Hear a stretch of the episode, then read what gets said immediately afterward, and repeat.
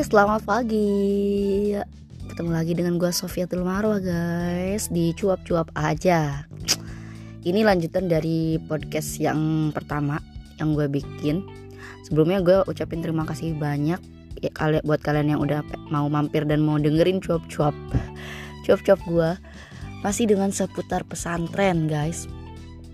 Nah, gue lanjutin dari dari uh, podcast yang pertama gue upload ini gue pengen cerita-cerita aja sih apa namanya tentang pesantren itu apa sih? Kalian buat kalian yang belum tahu pesantren. Nah di pesantren juga kalian boleh uh, searching gitu ya. Uh, sebagian pesantren ada yang menerapkan tentang pesantren uh, kemodernan. Maksudnya kemodernan di sini dia menerapkan bahasa Inggris dan Arab sebagai alat komunikasi sehari-hari. Ya, keren banget. Jadi uh, ada sebagian pesantren yang seminggu dia harus mewajibkan santri dan santriwatinya itu santriwan dan santriwatinya memakai bahasa Arab. Kemudian ganti seminggu lagi memakai bahasa Inggris atau uh, atau mm, sebulan atau ya mungkin dari lebih dari itu ya. Tapi uh, at least dua bahasa ini dijadikan alat komunikasinya gitu sambil membiasakan anak-anak dan member, me, memperkenalkan mungkin ya tentang bahasa Inggris dan bahasa Arab. Jadi ada gitu. Kemudian ada juga pesantren yang lebih menitik beratkan ke, ke kitab kuniknya gitu ya. Biasanya kita uh, tahu dengan istilah pesantren salafi gitu ya, pesantren salafiyah. Di sana uh, dikaji dikaji dengan sangat serius gitu ya tentang kitab kuning di titik beratkan. Bahkan ada anak eh, maksudnya santrinya itu tidak bisa diberikan ijazah kalau belum menghatamkan satu kitab kuning gitu. Satu kitab kuning yang menjadikan patokan wajib bagi santri dan santriwati sebuah pesantren itu sendiri guys.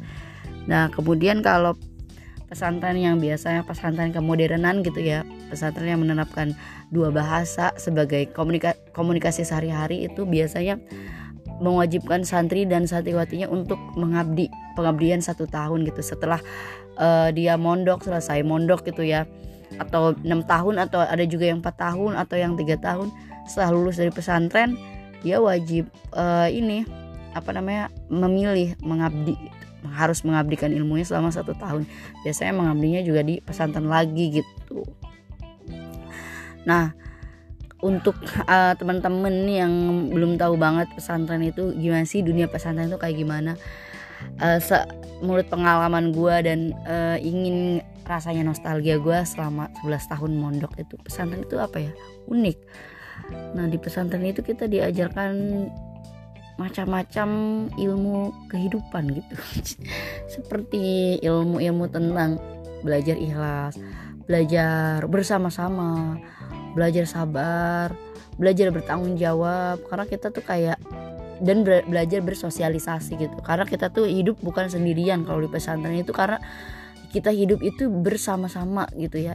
Etis lu satu kamar itu bisa 10 dan kita tidurnya ada juga kan pesantren yang tidurnya cuma lesehan nggak pakai ranjang ada. Atau satu kamar itu ada yang lima orang ada. Pokoknya lu hidup nggak sendiri gitu. Ya emang sama nggak sih kayak kos kosan gitu ya? Oh iya mungkin ada yang berpikir lah sama kayak ngekos tapi tetap ada aja yang beda gitu beda. Solidaritas di pesantren itu sangat sangat melekat gitu. Maksudnya sangat sangat melekat kenangannya sehingga kalau kita sudah lulus kita bakalan inget terus gitu dengan uh, keanehan, kelucuan, kemudian masa-masa yang berat di pesantren dijalani bareng-bareng bareng-bareng dengan teman-teman kita gitu.